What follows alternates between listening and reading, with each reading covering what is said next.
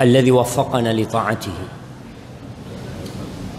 وارشدنا الى سبيل هداه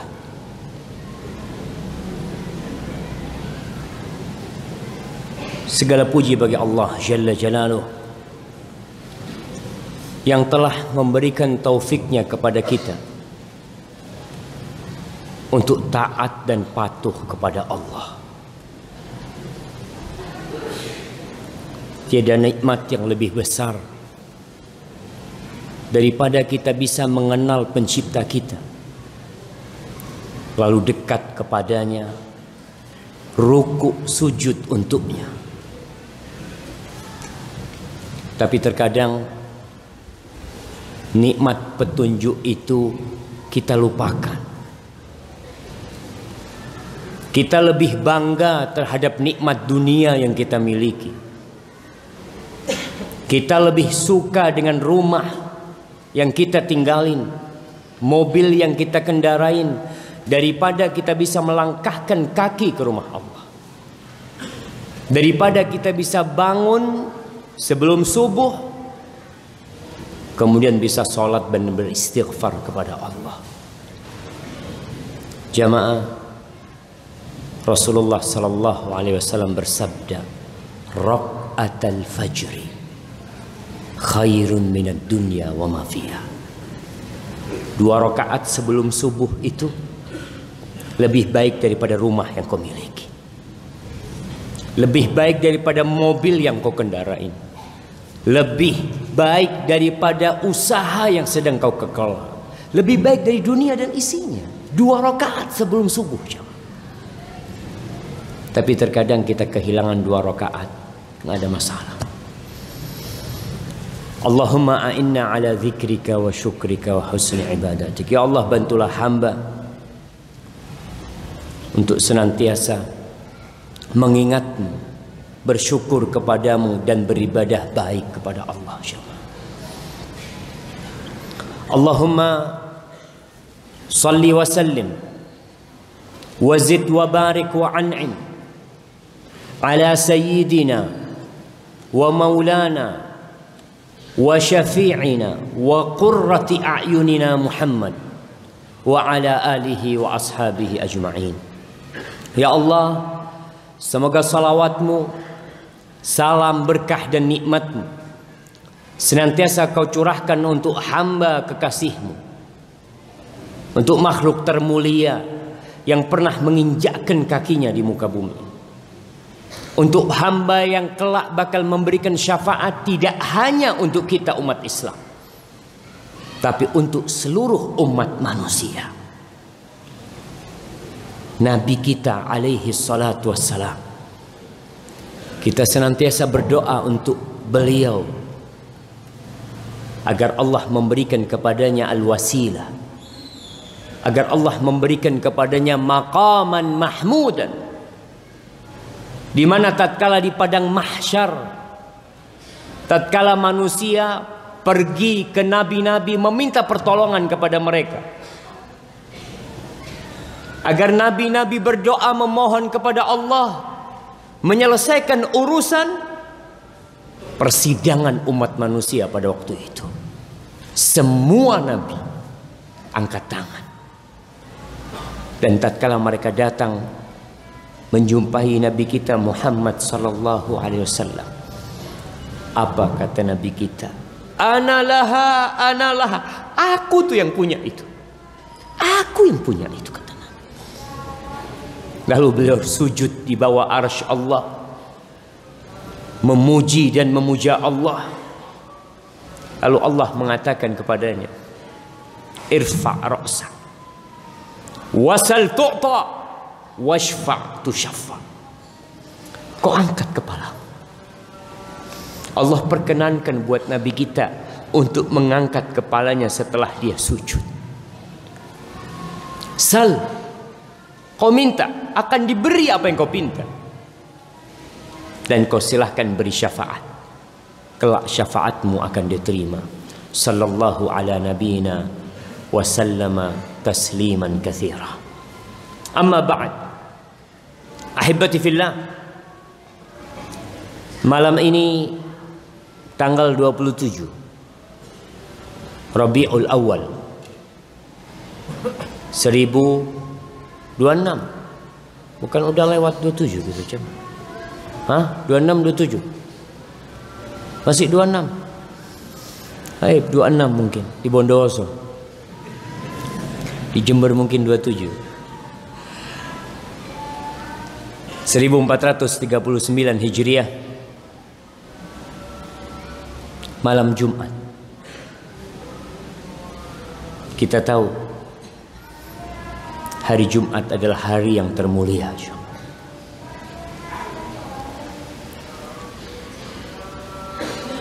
Allah menciptakan Nabi Adam pada hari Jumat.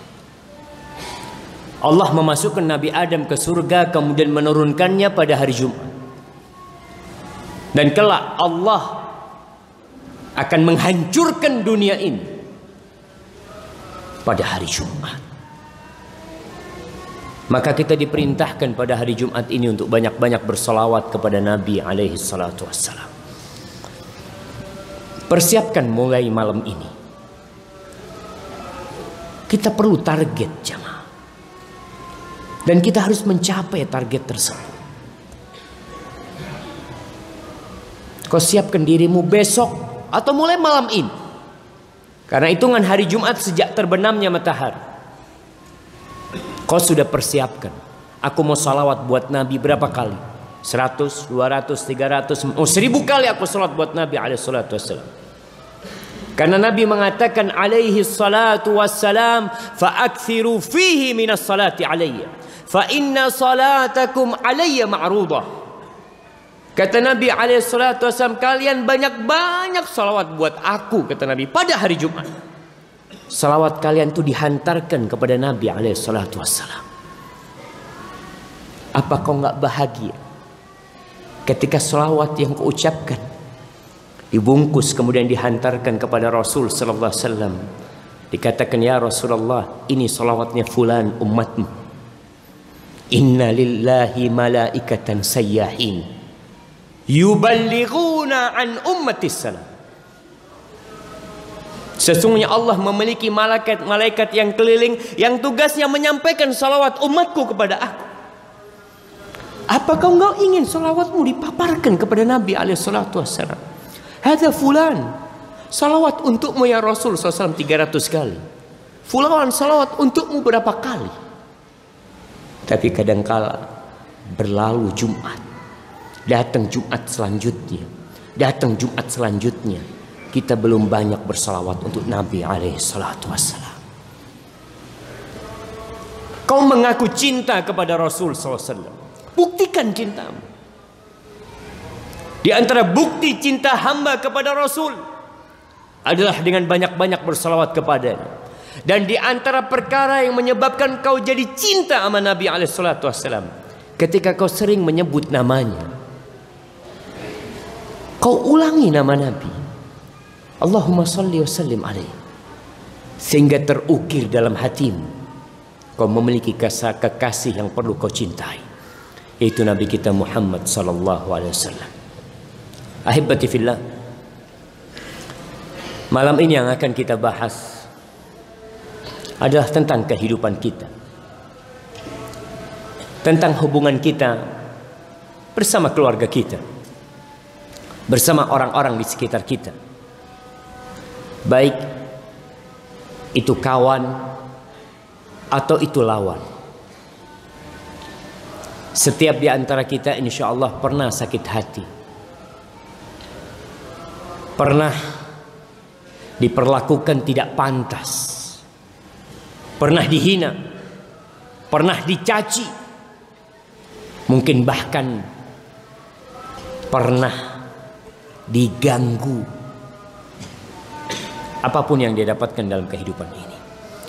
Bagaimana kita menyikapi tatkala kita disakiti? Jamaah rahimakumullah.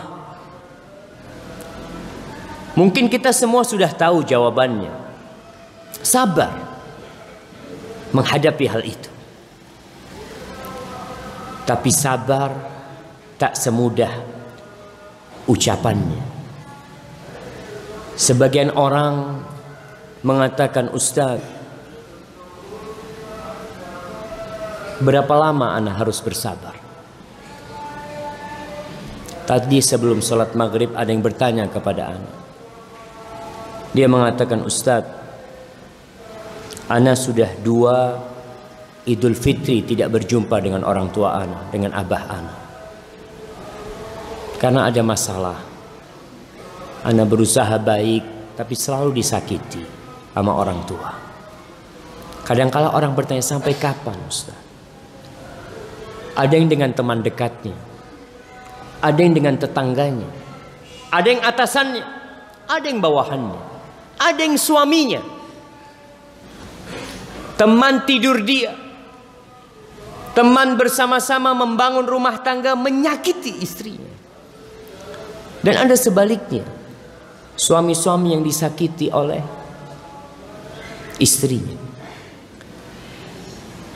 Sebelum kita membahas panjang lebar tentang bagaimana kita bersikap, Ana ingin mengingatkan antum, Ana sendiri dan kita semua, bahwa Allah Jalla Jalaluh memerintahkan secara khusus kepada nabinya untuk bersabar di dalam Al-Quranul Karim kira-kira 20 kali.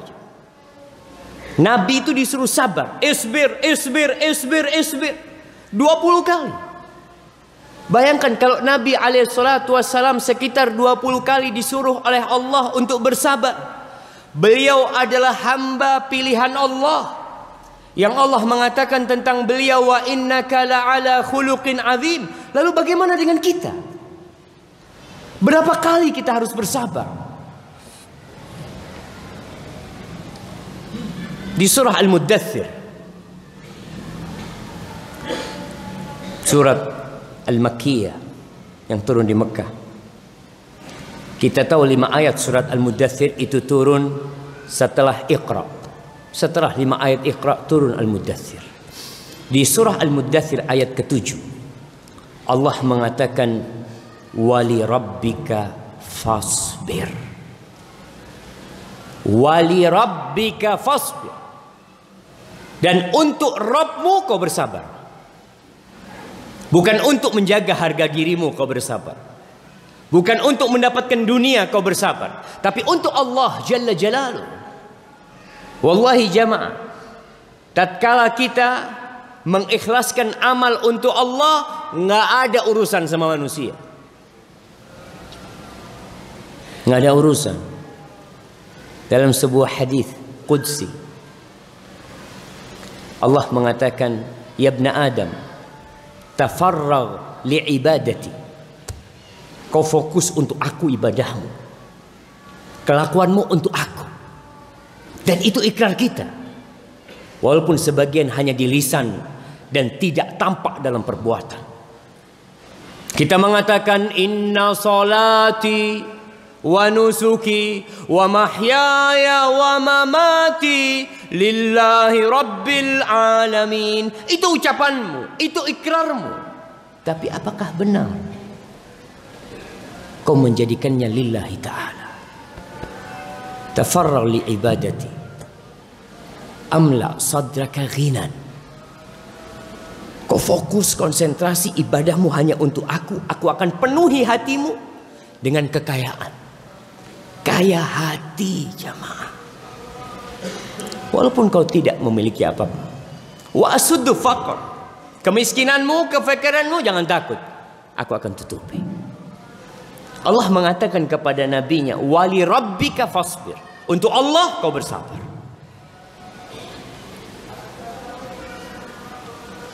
Di surat Muzammil yang sama-sama surah Makkiyah Ketika Allah mengatakan kepada nabinya, "Wasbir ala ma yaqulun wahjurhum hajron jamila." Kau sabar dengan ucapan-ucapan mereka, sabar. Ini nabi disuruh sabar. Sabar atas apa? Beliau dikatakan kahin. Dikatakan dukun, sahir. Dikatakan majnun.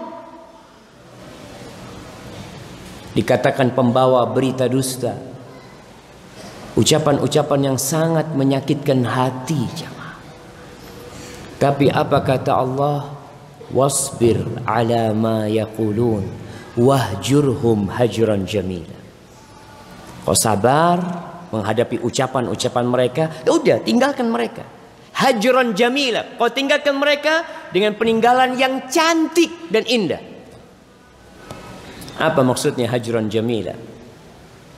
Para ulama menjelaskan kau tinggalkan gak usah jadi pikiran buat kau. Kau nanti balik lagi jumpain mereka. Kau dakwain mereka.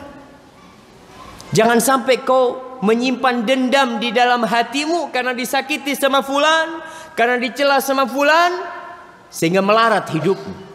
Jamaah kau tahu, kebanyakan penyakit yang menimpa kita, penyakit fisik itu bermuasal dari mana?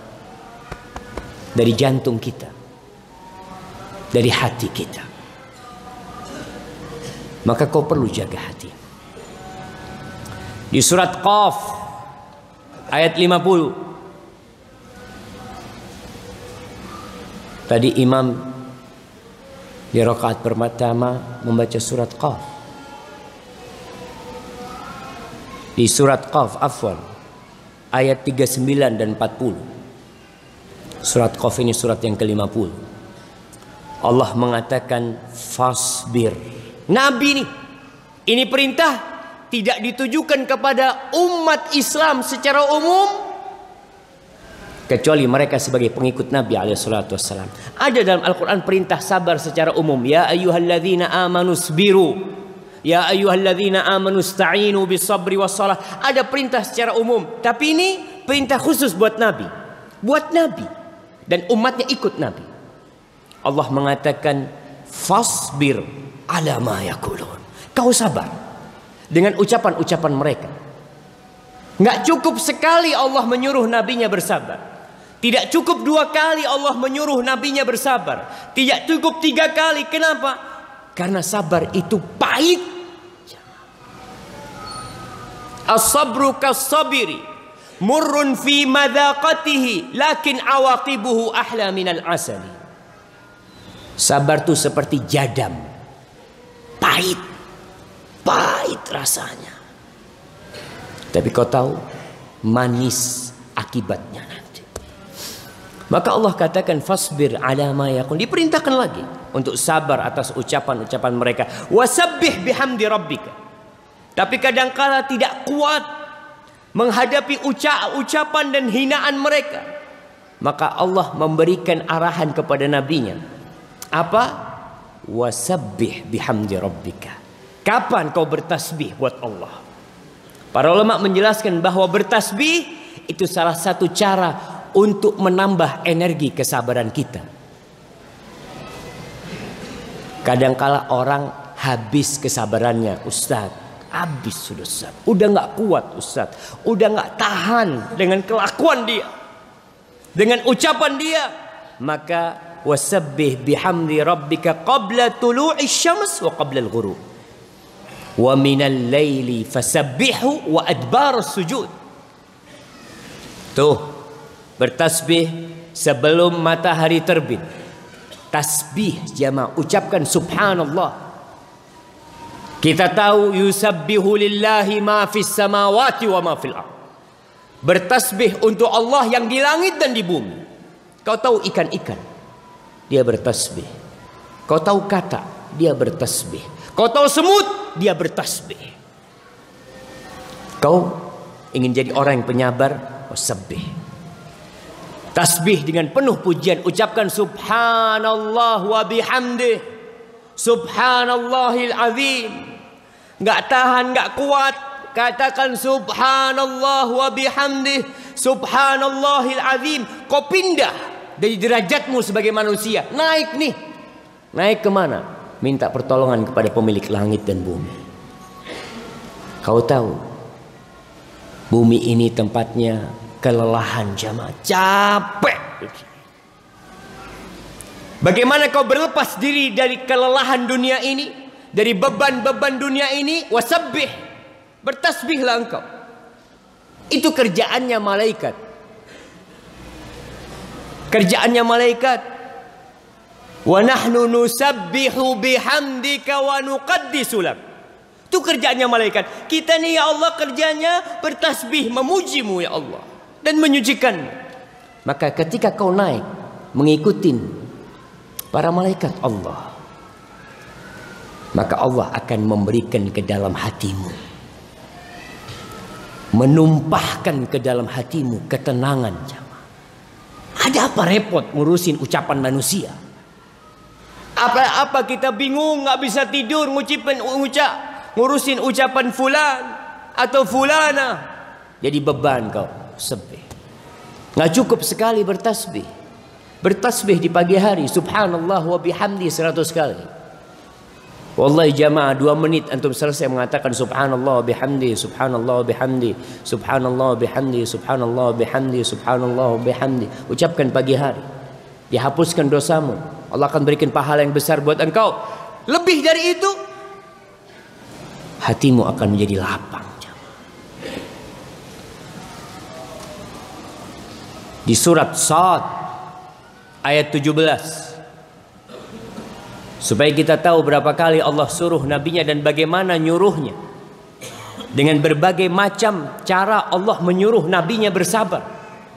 Karena berat cobaan dan ujian yang diterima oleh Rasulullah sallallahu alaihi wasallam dan kita tahu kata beliau alaihi salatu wassalam asyaddun nasi balaan al-anbiya. Orang yang paling berat cobaannya itu para nabi. Summal amsal fal amsal. Kemudian yang jalannya mengikuti Nabi, yang dekat sama Nabi alaihi salatu wassalam, para pewaris Nabi. Sabar. Kau perlu bersabar. Maka di sini di surat Sad ayat 17 Allah mengatakan isbir ala ma yaqulun wadhkur abdana Dawud dzal aid innahu awwab. Kau sabar atas ucapan-ucapan mereka. Sabar. Ingat sama hamba kita yang namanya Daud alaihissalam.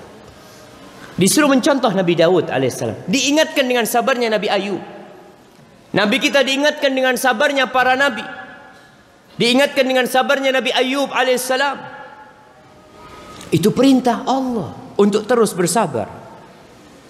Kemudian di surat Taha ayat 130 Allah kembali mengingatkan nabinya. Kita tahu ayat-ayat ini turunnya secara berkala jemaah.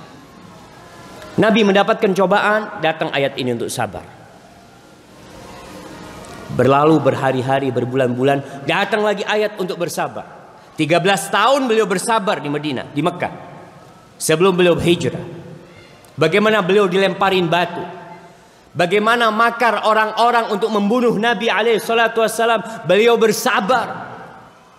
Bagaimana beliau diboikot selama tiga tahun sampai makan daun-daunan. Beliau bersabar. Dan itu melalui proses yang panjang dibentuk kepribadian Rasul SAW. Untuk sabar lagi. Untuk sabar lagi. Untuk sabar lagi. Di surat Toha ayat 130 Allah mengatakan fasbir ala ma yaqulun. Kau sabar menghadapi ucapan-ucapan mereka. Wasabbih bihamdi rabbik. Disuruh lagi bertasbih dengan memuji Allah. Kapan? Qabla tulu'is syams wa qabla ghurubiha. Sebelum terbitnya mentari dan sebelum terbenamnya matahari. Wallahi jamaah. Kita tuh pagi masih dalam kondisi kosong. Nggak ngapa-ngapain Duduk kau bertasbih. Orang kadang kala pulang dari masjid, ngapain pegang remote. Nonton TV. Sekarang udah bukan zamannya Ustaz. Bangun subuh, habis soli subuh, pulang dari masjid, pegang apa? Pegang HP. Dicari HP-nya. Mana HP-ku? Untuk apa?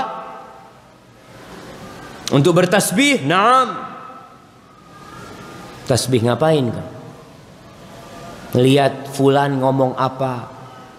Jamaah, kita tuh dibenci buat kita itu qila wa qala. Katanya dan fulan berkata. Dibenci buat kita. Kadang kala kita punya grup yang isinya apa? Katanya. Cuma katanya, katanya fulan, fulan habis beli mobil. Katanya ini, katanya ini. Grup kalam fadhi. Omong kosong. Kadangkala kita bisa pegang HP itu dengan tangan mulai menggerakkan. 30 menit nggak capek. Tasbih Subhanallah, subhanallah, subhanallah, subhanallah, subhanallah, subhanallah, subhanallah. Alah, udah banyak kayaknya subhanallah. Capek kau subhanallah. Subhanallah. Wa min ana lail fasabbih. Tuh di malam hari, di waktu-waktu malam hari kau bertasbih lagi. Wa atrafan nahar di ujung-ujungnya siang kau bertasbih la'allaka tarda. Insyaallah kau akan jadi orang yang ridho, menerima. Akan senang kau nanti. Bayangkan jemaah. Orang tuh bersabar, kita tahu sabar ini adalah satu kedudukan di bawahnya ridho. Sabar itu artinya habsun nafas anit tasakhut. Menahan diri untuk tidak murka. Untuk tidak marah terhadap apa yang menimpa kita. Itu namanya sabar. Sedangkan ridho sudah tingkatan kau ridho dengan apa yang terjadi. Udah sampai tingkatan syukur menerima. Kita tahu sebuah hadis. Rasulullah sallallahu alaihi wasallam mengatakan, "Idza qubida waladu, idza qabadatil malaika walad ibadillah" Apabila Allah mengutus malaikatnya untuk mencabut nyawa anak hamba Allah. Maka Allah bertanya kepada malaikat-malaikatnya, Ketika mereka selesai mencabut nyawa fulan, anaknya fulan. Allah bertanya kepada malaikat-malaikatnya, "Qabattum walada abdi?" Kau cabut nyawa anak hambaku, anaknya. Ibunya masih hidup, bapaknya masih hidup. Kau cabut nyawa dia, anaknya masih belum balik dikatakan, masih kecil, masih menyenangkan buat orang tuanya. Orang tuanya masih memiliki angan-angan panjang buat itu anak untuk jadi ini dan itu anaknya mati. Allah mengatakan qabattum samrata fuadihi. Kau ambil nyawa buah hatinya. Artinya ini bukan anak nakal. Bukan anak yang sakit-sakitan yang orang tua kepingin anaknya cepat mati. Bukan. Buah hatinya dia senang banget sama tuh anak.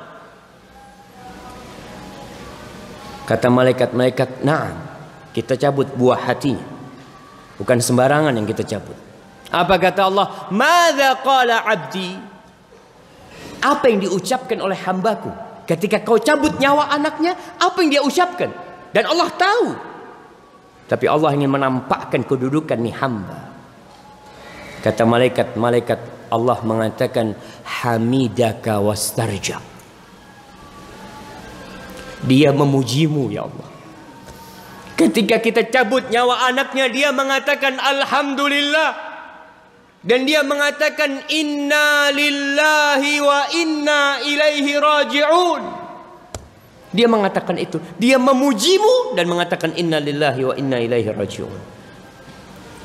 Apa kata Allah? Ubdu li abdi baitan fil jannah wa sammuhu baital hamd. Bangunkan buat hambaku rumah di surga dan kasih nama rumah itu rumah pujian dan Allah katakan kepada nabinya kau bersabar kau bertasbih terus kau bertasbih la'allaka tardah nanti kau akan senang sudah jamaah kita perlu bersabar. Ada seorang wanita yang curhat tentang masalah dia. Kemudian dia tulis, Ustadz, Ana minta solusi. Tapi tolong solusinya jangan sabar. Sahih. Karena memang sabar itu pahit. Berat. Ketika dia bertemu tanya sama fulan, solusinya sabar. Fulan sabar, fulan sabar. Memang harus sabar. 20 kali bayangkan. Allah perintahkan nabinya untuk sabar, sabar. Ini lain perintah-perintah buat umat Islam secara umum. Ini buat nabinya secara khusus. Di surat Tur ayat 48 49 Allah mengatakan kepada nabinya wasbir li hukmi rabbika fa innaka bi a'yunina wasabbih bihamdi rabbika hina taqum wa minal lail fasabbihu wa idbaran nujum Allah ngomong lagi sama nabinya kau sabar li hukmi rabbik dengan ketentuan Tuhan jamaah semua yang terjadi di muka bumi ini kita suka kita tidak suka semuanya adalah takdir ilahi yang telah dicatat 50 ribu tahun sebelum diciptakannya langit dan bumi maka sabar menghadapi ketentuan Tuhan. Kita selalu menginginkan yang indah-indah. Kita bermimpi untuk mendapatkan kehidupan yang nyaman, mendapatkan teman-teman yang masya Allah, tapi realitanya banyak yang menusuk kita dari belakang. Apa yang harus kau lakukan? Isbir.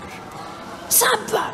Dengan ketuan Allah. Fa innaka bi'ayunina. Kau tuh dalam pengawasan kita. Kau dalam pengawasan kita. Artinya jamaah, ketika kau bersabar dan kau yakin Allah melihatmu, kau akan semakin kuat. Iya ya, Allah tuh ngelihat aku.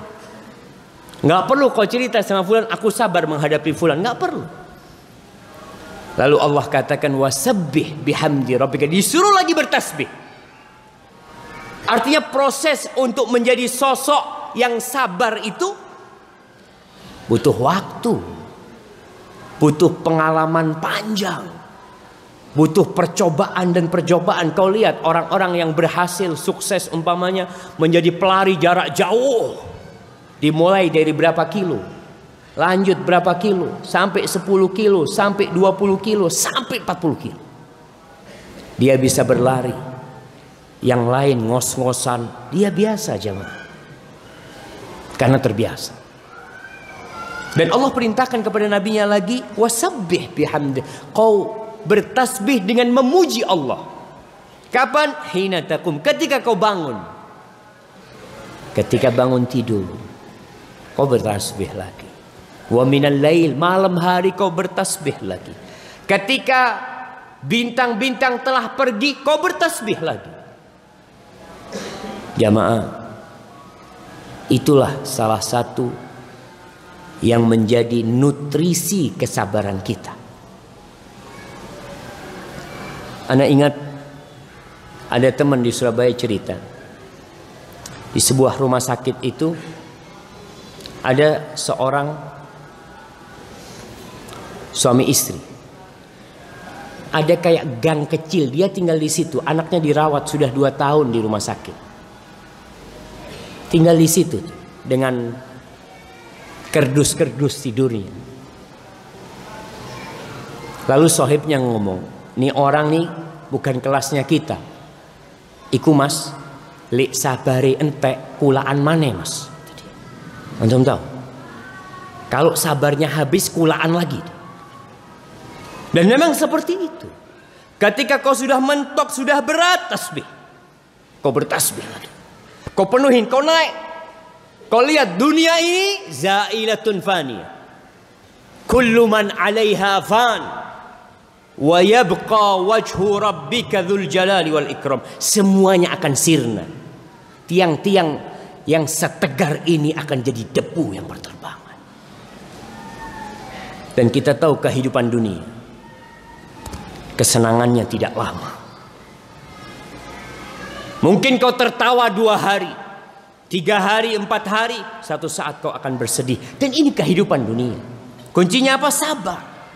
Sabar Kemudian Allah Jalla Jalaluh menyuruh nabinya bersabar dan para pengikut nabi untuk bersabar. Tapi kita tahu orang yang bersabar tadi kadang-kala tanya sampai kapan bersabar? Dia ingin tahu setelah sabar aku dapat apa? Aku udah sabar, tapi aku dapat apa? Karena orang ketika tahu hasil, insya Allah dia akan lebih sabar. Kau kalau tahu hasilnya, Umpamanya orang berdiri di depan pintu, kau berdiri di sini.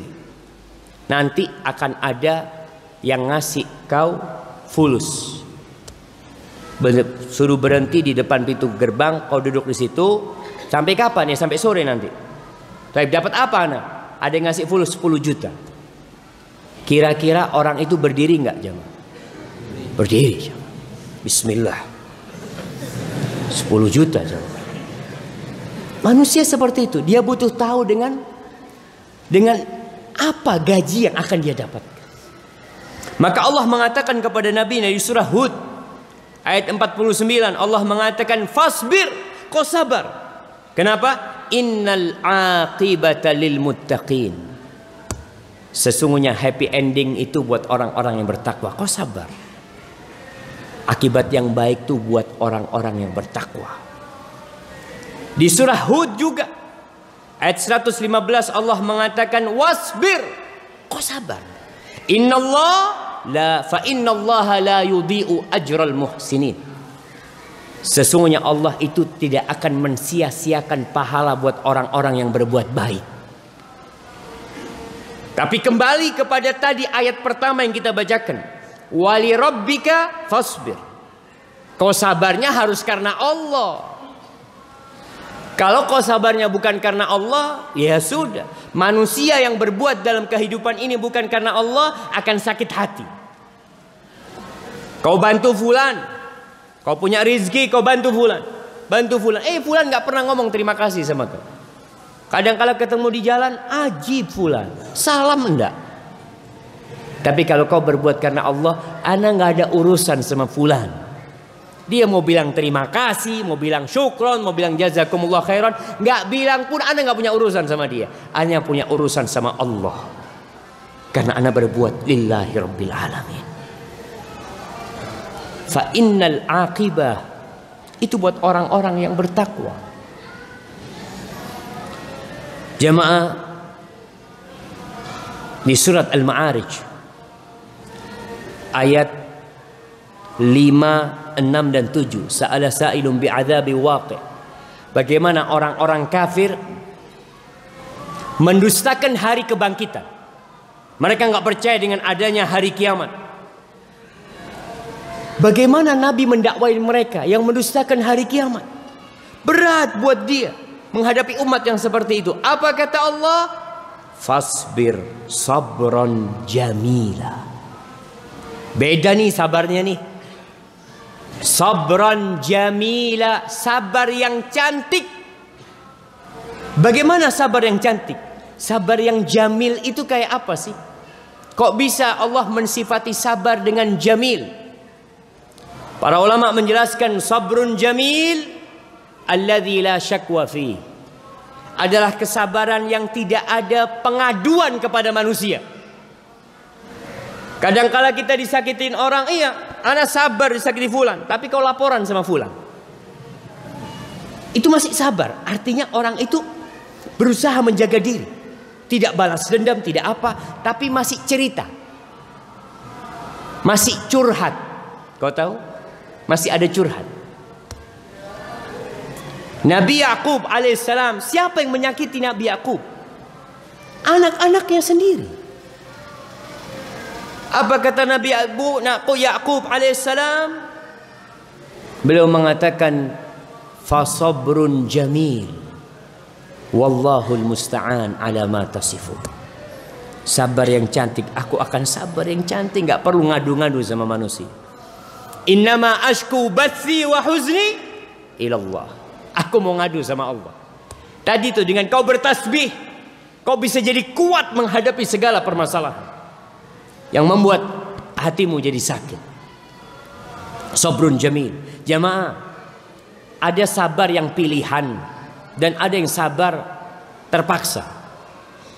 Orang kalau kena musibah sabarnya terpaksa. Ya mau gimana lagi sudah Ustaz. Tapi ketika kau disakitin orang, kau bisa balas. Dan kau punya dua pilihan. Kau balas dendam, kau ambil hakmu, dan itu boleh tanpa mendolimi atau kau sabar dan memaafkan mana yang lebih utama kau sabar dan kau maafkan dia Ada pilihan di dirimu untuk bertindak sabar atau menjawab ucapan-ucapan buruk dia. Allah suruh nabinya fasbir sabron jamila. Sabarlah yang cantik. Pernah diceritakan ada seorang yang curhat kepada sahibnya tentang masalah dia. Apa kata orang ini? Tashku man yarhamuka ila man la yarhamuka. Engkau mengadukan Allah yang dia Ar-Rahman, yang Ar-Rahim, yang lebih yang dia lebih sayang kepadamu daripada orang tuamu, kau ngadukan Allah kepada aku yang aku tidak sayang sama kau. Maka kau nggak perlu curhat sama manusia. Sabrun jamil.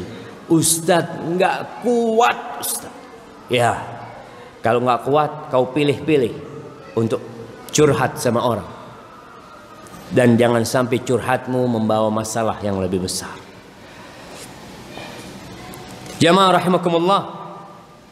Ketika orang-orang kafir semakin menjadi-jadi bahkan mereka menantang nabi untuk menurunkan azab dari langit. Kalau kau sadik, in kunta sadiqan, kalau kau jujur, kau benar, turunkan azab dari langit. Mereka menuntut itu. Maka ini sebuah pengingkaran yang sangat menyakitkan hati jemaah. Apa kata Allah kepada nabinya? Fasbir kama sabara ulul azmi minar rusul. Wala tasta'jil lahum. Di surah Al-Aqaf ayat 35 Allah mengatakan fasbir kama sabara ulul azmi minar rusul. Kau sabar seperti sabarnya ulul azmi minar rusul. Nabi ini dididik sama Allah. Dibentuk kepribadiannya sama Allah. Bagaimana dia menjadi pribadi yang sabar karena dia kudwah. Beliau itu tauladan umat manusia. Maka Allah suruh nabinya bersabar seperti sabarnya ulul azmi minar rusul. Seperti sabarnya Nabi Nuh alaihi salam. Berapa tahun dia berdakwah? 950 tahun. Dapat apa? Allah menceritakan bagaimana Nabi Nuh mendakwain kaumnya wa inni kullama da'awtuhum litaghfira lahum ja'alu asabi'ahum fi adanihim Ya Allah, setiap kali aku mengajak mereka kepadamu agar engkau mengampuni mereka. Yang terjadi mereka letakkan tangannya di kupingnya, ditutupin kupingnya. Wastaghshaw thiyabahum itu pakaian mereka digunakan untuk menutupi, nggak mau dengar. Itu Nabi Nuh alaihissalam. Sabarlah seperti sabarnya Nabi Ibrahim alaihissalam. Bagaimana Nabi Ibrahim alaihissalam dilemparkan ke api, dibakar di sana. Bertahun-tahun nggak punya anak. Nabi Ibrahim alaihissalam. Diuji kesabarannya ketika punya anak Ismail disuruh sembelih Ismail alaihissalam. Sabar seperti sabarnya Ibrahim. Sabar seperti sabarnya Musa alaihissalam. Bagaimana Nabi Musa bersabar menghadapi Fir'aun. Bertahun-tahun dia menghadapi Fir'aun.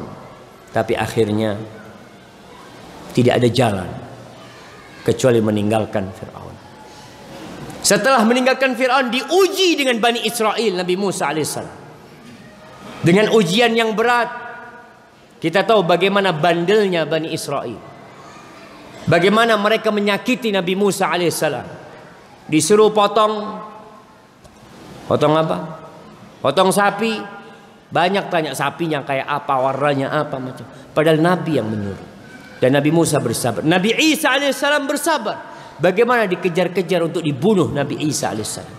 Dan kau Muhammad alaihi salatu wassalam bersabarlah seperti sabarnya mereka. Jangan terburu-buru mendoakan keburukan buat umatmu dengan meminta azab turun kepada mereka. Wala tastajil Baik. Mana yang mau azan?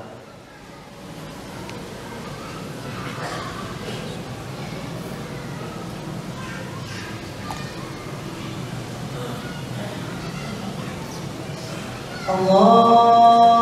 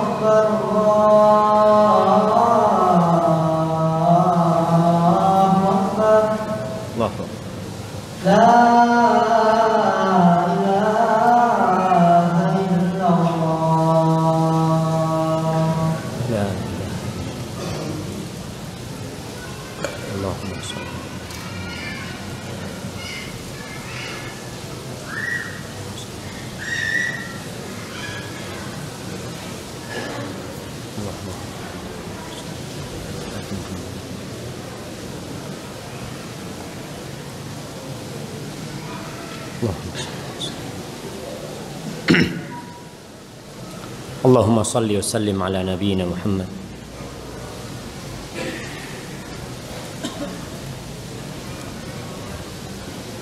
di surat Al-Qalam ayat 48 Allah menyuruh nabinya untuk bersabar fasbir li hukmi rabbik sabarlah engkau dengan ketentuan Rabbmu wala takun kasahibil hud. Kau jangan seperti sahibul hud Nabi Yunus alaihissalam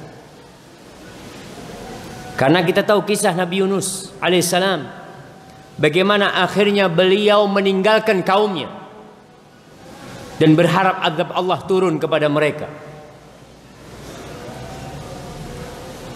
Itu pernah terjadi dengan Nabi Yunus. Tapi Nabi kita Muhammad SAW dibentuk untuk tidak seperti itu. Jamaah rahimakumullah, Nabi itu ingin orang-orang yang menyakitin beliau itu dapat hidayah. Ingin banget beliau. Bahkan beliau mendoakan mereka. Sampai kadangkala beliau jadi sesak dadanya karena menginginkan petunjuk buat mereka. Di surah An-Nahl ayat 127 128 Allah mengatakan kepada nabinya wasbir Wa ma sabruka illa billah. Kau sabar. Kau sabar. Dan sabaranmu itu tentunya dengan Allah. Kau bersabar untuk Allah yang bisa membantumu untuk bersabar juga Allah. Kau perlu untuk terus kembali kepada Allah. Wala tahzan alaihim.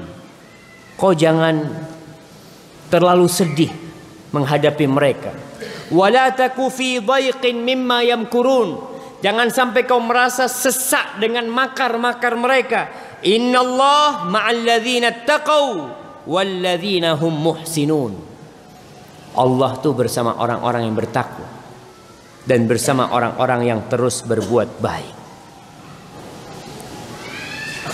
Ketika orang-orang munafikin berusaha untuk memalingkan orang-orang yang beriman dari beriman kepada Nabi atau berusaha pula membuat Nabi alaihissalam meninggalkan sedikit dari apa yang Allah turunkan. Apa kata Allah? Fasbir li hukmi rabbika. Allah mengatakan kau sabar dengan ketentuan Allah wala tuti minhum athiman au kafur. Kau jangan ikutin mereka, jangan taatin mereka. Tapi kau sabar.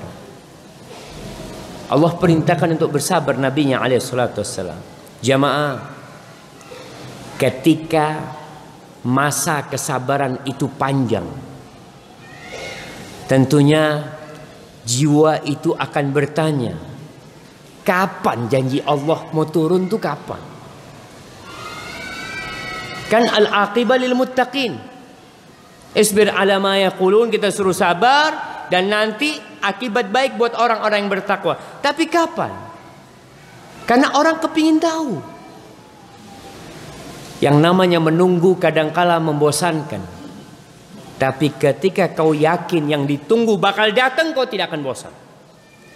Kita tuh kalau nunggu nunggu dokter umpamanya. Nunggu dokter Pak dokternya datang insya Allah jam 6 Tunggu gitu. Jam 6 nggak datang. Oh insya Allah datang jam 8 Mbak katanya jam 6 Sekarang jam 8 Iya dokternya sibuk kata dia. Datang lagi jam 8 Insya Allah datang jam 12 Antum pulang nggak? Kayaknya nanti jam 12 datangnya subuh. Antum sudah mulai nggak nggak yakin dengan janji-janji itu, maka antum akan pulang. Ketika Nabi Alaihissalam dan para sahabat Nabi mulai gelisah tentang kapan turunnya janji Allah, maka di surah Rum ayat 60 Allah mengatakan fasbir inna wa'dallahi haq. Kau sabar. Sesungguhnya janji Allah itu pasti benar. Pasti. Kau sabar. Dan betul Allah tidak pernah ingkar janji. Wala yastakhifannaka alladzina la yuqinun. Kau jangan terkecoh, jangan terpancing dengan orang-orang yang tidak beriman itu. Karena mereka berusaha untuk memancing umat Islam, memancing Nabi alaihissalam. Dan kita lihat bagaimana umat Islam 13 tahun berada di kota Mekah tidak mengadakan perlawanan sama sekali Sumayyah dibantai. Mereka tidak melawan. Abu Jahal, Abu Lahab, Umayyah hidup mereka di sana dan tidak ada yang melawan. Jangan terpancing, belum waktunya. Janji Allah benar. Kita tuh kadang-kala gampang terpancing, nggak sabaran. Kayaknya apa yang harus kita lakukan? Isbir. Inna wa'dallahi haq janji Allah itu benar. Di surat Ghafir ayat 55 Allah mengatakan fasbir inna wa'dallahi haq. Kau sabar. Nih Nabi jamaah disuruh sabar, disuruh sabar, suruh sabar. Terus perjalanan hidup beliau. Disuruh sabar dan sabar terus. Menghadapi apa? Menghadapi orang-orang yang menyakiti beliau.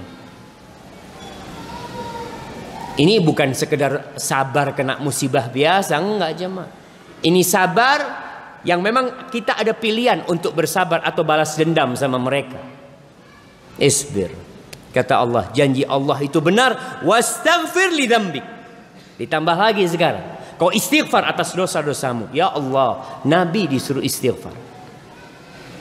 Dan kita pun lebih pantas untuk beristighfar. Ketika kesabaran kita berkurang, Ketika mulai pikiran ngerunyam, mikir yang enggak-enggak, ini anak sabar, sabar, tapi kok sampai kapan aku bersabar nih? Istighfir li dzambi, kau harus banyak-banyak minta ampun. Kau ingin segera datang pertolongan Allah. Kau ingin segera datang kemenangan buat umat Islam. Kau tahu kau harus sabar. Memang harus sabar jemaah. Allah berfirman Bala In tasbiru wa tattaku la yadurrukum kaiduhum syai'a. Kata Allah nih kalau kalian sabar dan kalian bertakwa, tipu daya mereka tidak akan membahayakan kalian sedikit pun. La yadurrukum kaiduhum syai'a, sedikit pun nggak ada. Yang jadi masalah kita sabar enggak, takwa enggak. Lalu minta kapan Allah turunkan pertolongannya. Wallahi jamaah, kita sedih dengan apa yang terjadi dengan saudara-saudara kita di Palestina. Nah, tapi kau tahu, Palestina itu dijajah sudah sejak tahun 48. Tidak ada negeri Palestina sebenarnya jemaah menurut mereka. Kau buka di Google Map, kau cari Palestina.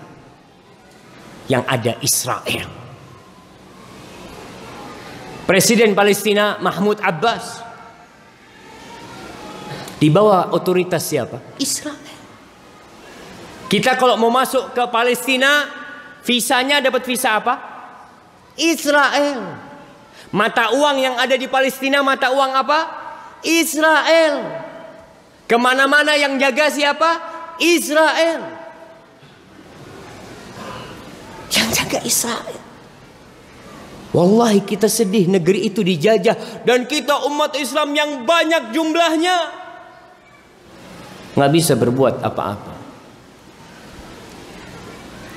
Ada sebuah ucapan ulama yang indah yang membebaskan Palestina itu Salahuddin dan yang bisa membebaskan Palestina sekarang ini juga Salahuddin. Apa artinya Salahuddin? Dulu Salahuddin adalah nama seorang yang membebaskan Palestina. Salahuddin itu artinya adalah baiknya agama seseorang. Dengan baiknya agama umat Islam, dengan bersabar dan bertakwa, Allah akan kasih kemenangan. Itu janji siapa? Allah yang janji. Nabi disuruh sabar bertahun-tahun, diusir dari Mekah. Hijrah ditinggalkan, Mekah, Baitullah ditinggalkan. Dan beliau nurut berangkat. Tapi dengan kesabaran janji Allah benar. Jadi kalau kita merasa ya Allah kok kayaknya lambat banget ya, kok kayaknya kita terhinakan wastaghfir li dzambik. Kok perlu minta ampun dengan dosa-dosa. Bayangkan Allah nyuruh nabinya beristighfar. Dan Nabi kita alaihi salatu wassalam mengatakan inni la astaghfirullah fil yaum sab'ina marrah wa fi riwayah mi'ata marrah aku beristighfar sehari itu sampai 70 kali. Atau lebih dari 70 kali sampai 100 seorang sahabat Nabi pernah menghitung Nabi satu kali majelis di satu majelis duduk sama sahabatnya Nabi di situ mengatakan Rabbighfirli wa tub alayya innaka antat tawwabul ghafur. Ya Allah ampuni aku ya Allah dan berikan taubatmu kepadaku ya Allah. Engkau maha menerima taubat dan engkau maha pengampun. Itu dihitung sama seorang sahabat Aku hitung sampai 100 kali beliau mengatakan itu. Nabi disuruh bertasbih dan tasbih beliau banyak. Nabi disuruh istighfar dan istighfar beliau banyak. Kita disuruh bertasbih, kita disuruh istighfar, kita disuruh salawat. Berapa kali kita melakukan itu? Kau lihat jangan. Umat Islam berapa kali melakukan itu dalam sehari?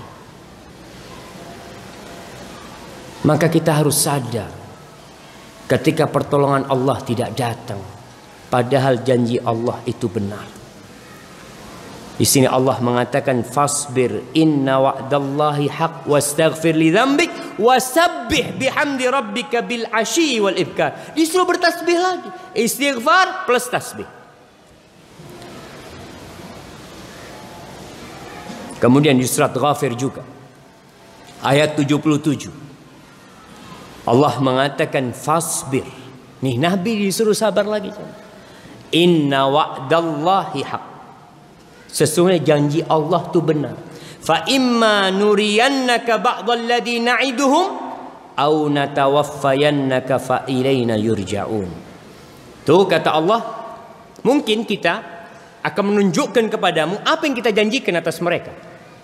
Allah akan menghancurkan mereka atau kita mematikan engkau. Sehingga janji itu belum tercapai. Belum dilihat. Semuanya akan balik ke kita. Maka seorang tenang dalam kehidupan ini ketika tahu kita punya Rabbul Alamin. La yukhliful mi'ad.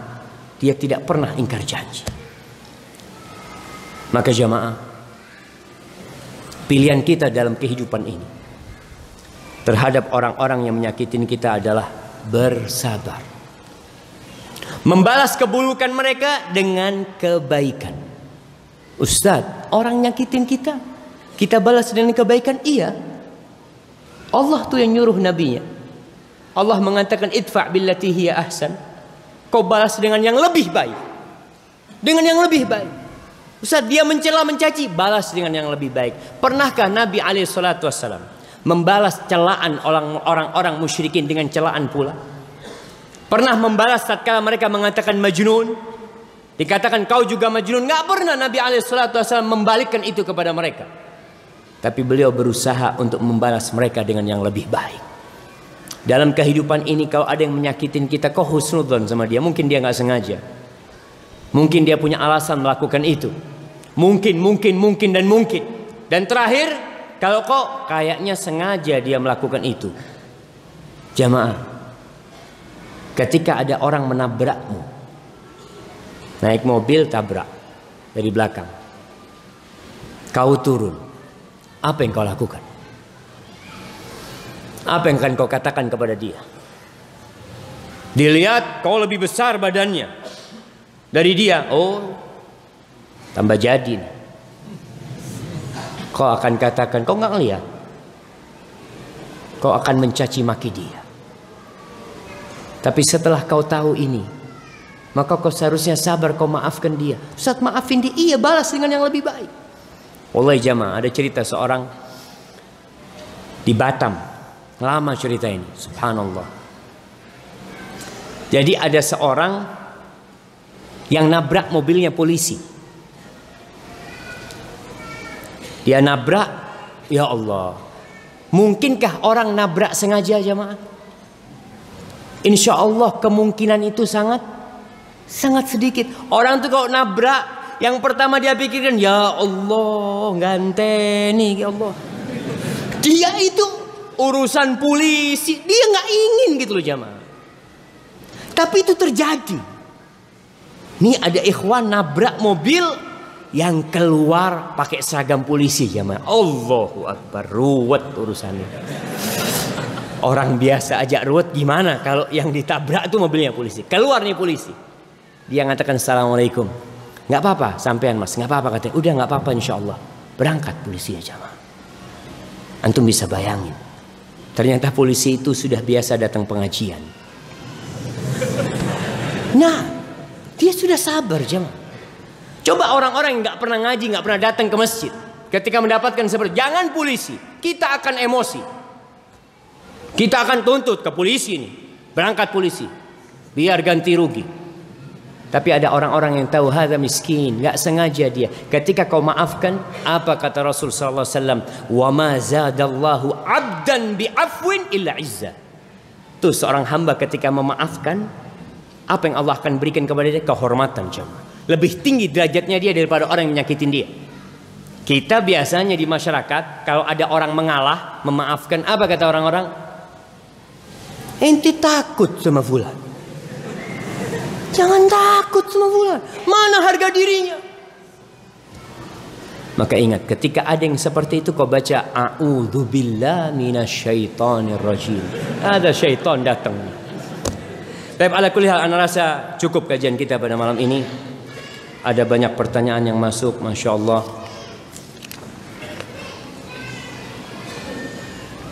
Masya Allah. Ini kayaknya anak-anak yang bertanya.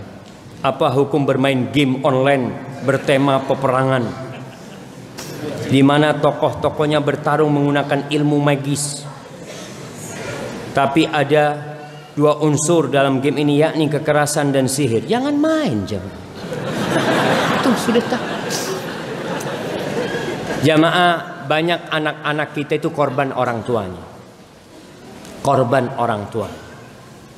Kemarin ada seorang ibu-ibu yang curhat sama anak satu keluarga dia Ustaz anak punya anak ini candu game Ustaz Candu game. Padahal main gamenya cuma Sabtu sama Ahad dikasih. Tapi kalau sudah pegang game saat dari pagi sampai sore. Dia pegang game. Ketika kita larang, kemarin kita ambil Ustaz HP-nya Ustaz, dia masuk kamar mandi, dia menyakiti dirinya sendiri. Kenapa? Karena anak-anak yang main game ini tidak hidup di alam nyata. Dia hidup di alam yang berbeda, jemaah. Dia merasa senang mendapatkan sesuatu. Dapat apa? Kok dibohongin? Main game, oh dapat mobil kata dia. Mana mobilnya? Maafi, nggak ada mobilnya. Dia hidup di alam yang yang kesian mereka itu jamaah. Maka jangan sampai orang tua mengorbankan anaknya. Kenapa orang tua mau duduk santai? Ada tamunya, anaknya ngeriuin dia apa? Nah, fadl kasih HP. Fadl kau ke sana. Anak kalau sudah kasih HP, masya Allah nggak akan ganggu orang tuanya. Dia khusyuk di sana. Dipanggil sama orang tuanya. Hati-hati, jangan jamaah. Kau tahu pemilik Microsoft, Bill Gates, orang kafir, yang punya harta, jangan ditanya, dia termasuk orang terkaya di dunia. Anaknya sampai umur 14 tahun nggak dikasih HP. Kita bayi baru lahir, kasih HP di sebelahnya. Fadol nak, ibunya mau. Apalagi main game kayak gini hati-hati zaman. Tinggalkan game. Dan memang orang tua harus harus kreatif. Anak-anak tuh perlu dikasih mainan di rumah, mainan yang kreatif. Seperti apa contohnya? Ada yang namanya muka abad. Muka abad itu yang bongkar pasang. Bikin rumah-rumahan, bikin apa. Itu bagus buat mereka. Kenapa? Mereka tidak akan bosan. Karena mainannya tiap hari berubah. Sekarang jadi rumah, besok main lagi jadi mobil. Besok main lagi jadi apa macam-macam tuh anak. Dan kalau bisa kau duduk main sama anakmu. Ustaz sudah jenggotan main sama anak. Iya. Duduk. Supaya anak itu tahu kalau bapaknya ada di rumah. Ada bapak-bapak yang na'udzubillah. Wanita-wanita mengadukan suaminya mengatakan ini di Saudi. Mereka bertanya kepada para masyayikh, "Ya Syekh, Zauji hadirun gaib. Istri suamiku hadir tapi gaib. Hadir di rumah jasadnya doang. Tapi dia di ada di alam yang lainnya. Pegang HP aja. Lihat anaknya main, terus pegang HP. Jangan, jangan kesian anak-anak kita. Kalau kau butuh fabel, tapi jangan sampai kau main game ada orang tua yang punya anak masih main game. Anak pernah naik pesawat dengan orang sepuh di sebelah anak. Anak fudul ya. Ngelihat orang itu serius banget sama HP-nya ngapain ya. Anak lihat main game dia mah. Sudah bapak-bapak masih main game. Allah yahfad min kulli Nah, Ustaz saya ingin tahu bagaimana kita menyingkapin orang yang selalu menyakitin hati orang lain. Baik. Tadi udah kita bahas. Allah mengatakan khudil afwa wa'mur bil urfi wa'arid 'anil jahilin. Kau maafkan. Kau jadikan maaf itu sebagai alat bartermu. Orang menyakitimu kau kasih maaf. Wa'mur bil urf. Tapi kau maafkan, kau kasih tahu juga dia. Mungkin dia nggak ngerti hukumnya menyakitin. Mungkin dia tidak paham, perlu dikasih tahu. Tapi kalau ternyata orang ini yang orang yang nggak bisa dikasih tahu, maka apa sikap kita? Wa'arid anil jahilin. Udah kau nggak usah urusin orang-orang yang bodoh itu. Supaya dia merasa sendiri. Nggak usah diajak bergaul, udah dibiarin. Sehingga orang itu kalau masih ada kebaikan di dirinya akan mikir, kenapa ya orang-orang kok nggak mau bergaul sama aku ya? Mungkin gara-gara aku suka menyakitin mereka. Mudah-mudahan dia berubah nanti. Barakallahu fikum. Bagaimana caranya ikhlas Ustaz? Wallahi sahih jemaah. Pertanyaan ini pertanyaan yang sangat simple. Tapi jawabannya sangat berat sekali. Allah mengatakan fa'budillah mukhlisan lahuddin. Ala lillahi dinul khalis. Sembahlah Allah mukhlis ikhlas untuk Allah SWT. Bagaimana kita bisa ikhlas? kau harus kenal sama Allah. Kau harus mengenali Allah dan kau yakini bahwasanya semua manusia kalau mereka memujimu, kalau mereka menyanjungmu, kalau mereka senang sama kau, tapi Allah nggak suka sama kau nggak ada artinya. Ketika itu kau akan mencari pujian Allah Subhanahu wa taala. Orang tidak ikhlas karena urusan dunia kadang-kala. Kepingin naik pangkatnya, kepingin apa, dia beribadah tidak ikhlas lillahi ta'ala. Kau ketahui, lillahi ma fis samawati wa ma fil ard milik Allah yang di langit dan di bumi. Kalau kau mau ria, ria sama siapa? Sama Allah. Kalau kau mau ria, kau tengah malam bangun, ya Allah, aku mau sholat, ya Allah. Mudah-mudahan kau terima aku, ya Allah. Kau tunjukkan kepada Allah. Tapi nggak perlu kau tunjukkan kepada manusia. Mudah-mudahan dengan cara seperti itu, kau bisa ikhlas dalam beramal.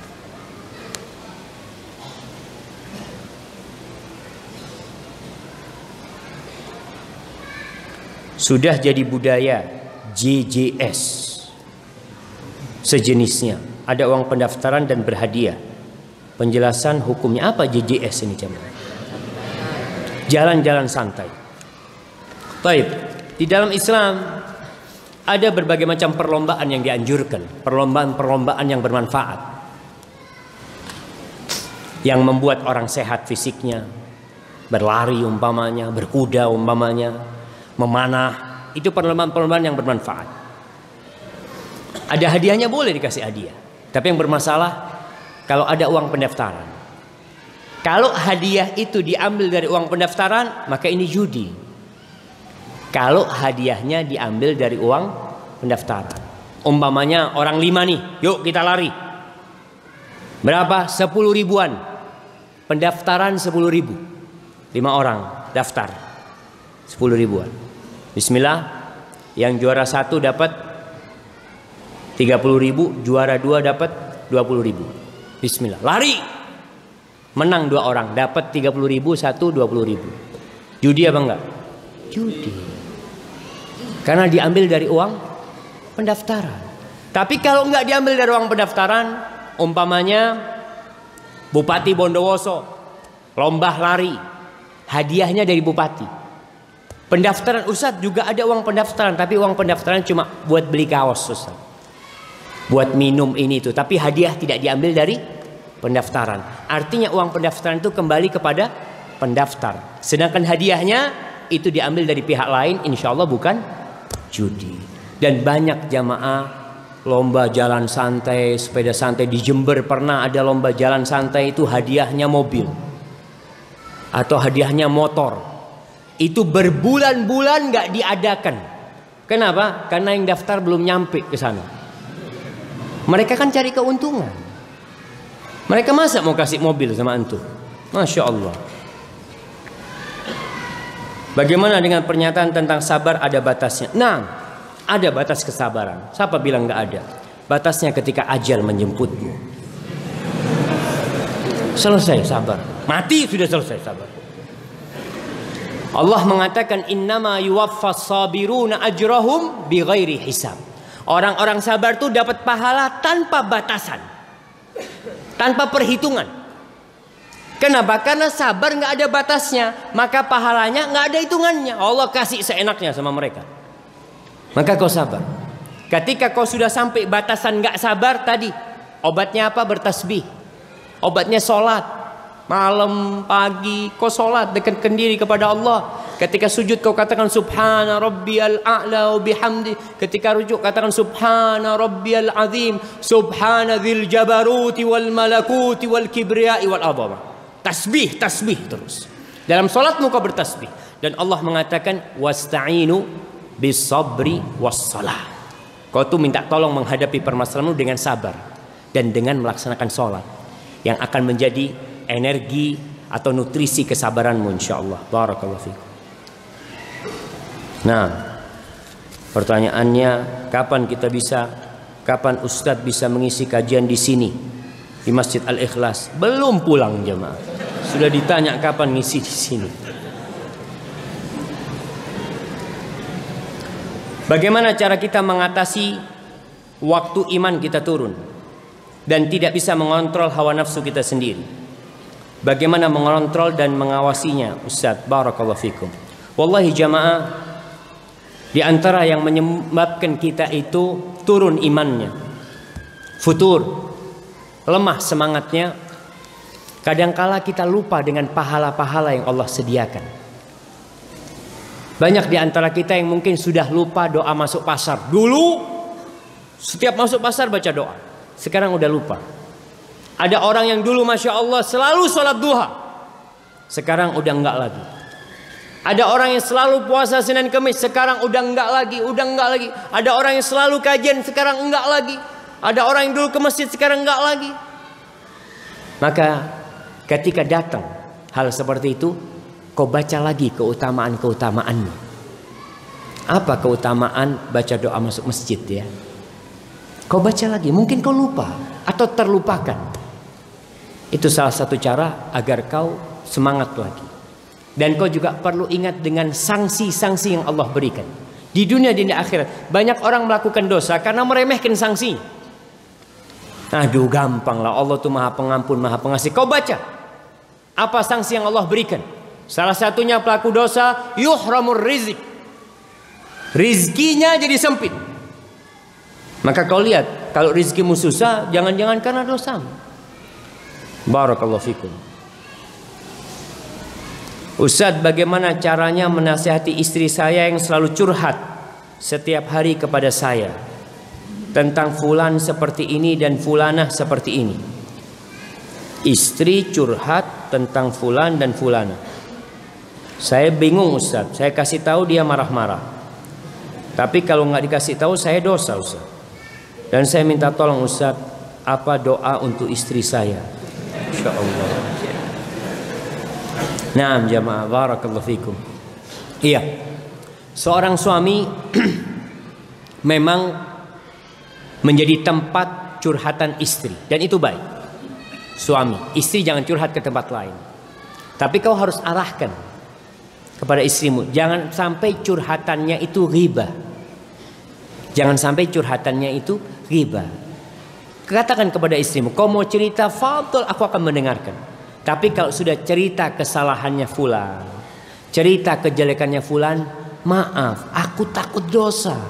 Eman-eman aku tadi sholat duha, pahala sholat duha dikasihkan ke fulan nanti. Orang kan yang melakukan riba itu kesian jemaah. Puasa sunnah, lapar haus sampai maghrib, habis maghrib ribain orang, pahalanya buat siapa nanti? Buat orang yang dia gibain transfer pahala sama dia. Maka katakan kepada istrimu dengan cara yang baik. Suami pun kalau mau ngasih nasihat istri kasih nasihat istri dengan cinta dan kasih sayang. Kalau ngasih nasihat istri itu jangan sampai ngomong aku benci sama kau. Jangan. Kalau sudah kita ngomong nggak suka sama dia maka dia tidak akan dengar nasihat kita. Nabi saja Sallallahu alaihi wasallam ketika hendak memberikan nasihat kepada seorang sahabat apa kata beliau Ya Mu'ad, wallahi inni uhibbuka. Bayangkan. Nabi mengatakan, wahai Mu'ad, demi Allah aku cinta kepadamu. Ketika orang yang mau ngasih nasihat ngomong cinta, kira-kira mau denger nggak orang ini nasihatnya? Dengarlah, ini yang mau ngasih nasihat orang ini cinta sama aku. Nasihatnya itu adalah cinta dan kasih sayang. Maka ketika kau ngomong sama istrimu, kasih dia hadiah. Kasih dia sesuatu yang membuat dia berbahagia, Lalu katakan, aku nih sayang banget sama kau. Kalau boleh, aku mau minta sesuatu. Apa kata istrinya? Sudah dapat hadiah, dia omongin sayang sama suaminya. Dia akan mengatakan, sami'na wa ta'ana. Kau minta jantungku aku keluarkan bang buat kau bang. Masya Allah jemaah. Baik. Bagaimana cara mempunyai sifat sabar? Biar kita tidak gampang emosi tadi sudah kita lihat. Bagaimana Nabi disuruh sabar, suruh sabar, suruh bertasbih, suruh melihat orang-orang terdahulu yang bersabar. Itu contoh agar kita bisa bersabar jemaah. Jamaah ini masih banyak pertanyaan rasa sudah jam 7.30 menit. Insya Allah pertanyaan yang lainnya kita jawab pada perjumpaan yang akan datang. Semoga kita bisa mengambil manfaat dari apa yang disampaikan dan bisa mengamalkannya dalam kehidupan ini apabila benar yang anda sampaikan itu dari Allah Jalla Jalaluh kalau ada yang salah dan kurang berkenan itu dari diri anda pribadi Allah dan Rasulnya terbebaskan dari kesalahan itu. Subhanakallahumma wa bihamdika asyhadu an la ilaha illa anta astaghfiruka wa atubu ilaik. Wassalamualaikum warahmatullahi wabarakatuh.